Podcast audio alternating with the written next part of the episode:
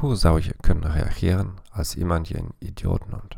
De volgende techniek werkt vooral goed in situaties waarin je een persoon hebt die je constant beledigt op een nauwelijks waarneembaar niveau. De persoon kan narcistische neigingen hebben en probeert je te hersenspoelen door te geloven dat je inferieur bent aan de narcistische persoon. Wat de persoon ook over je zegt, jij bevestigt het tegenovergestelde.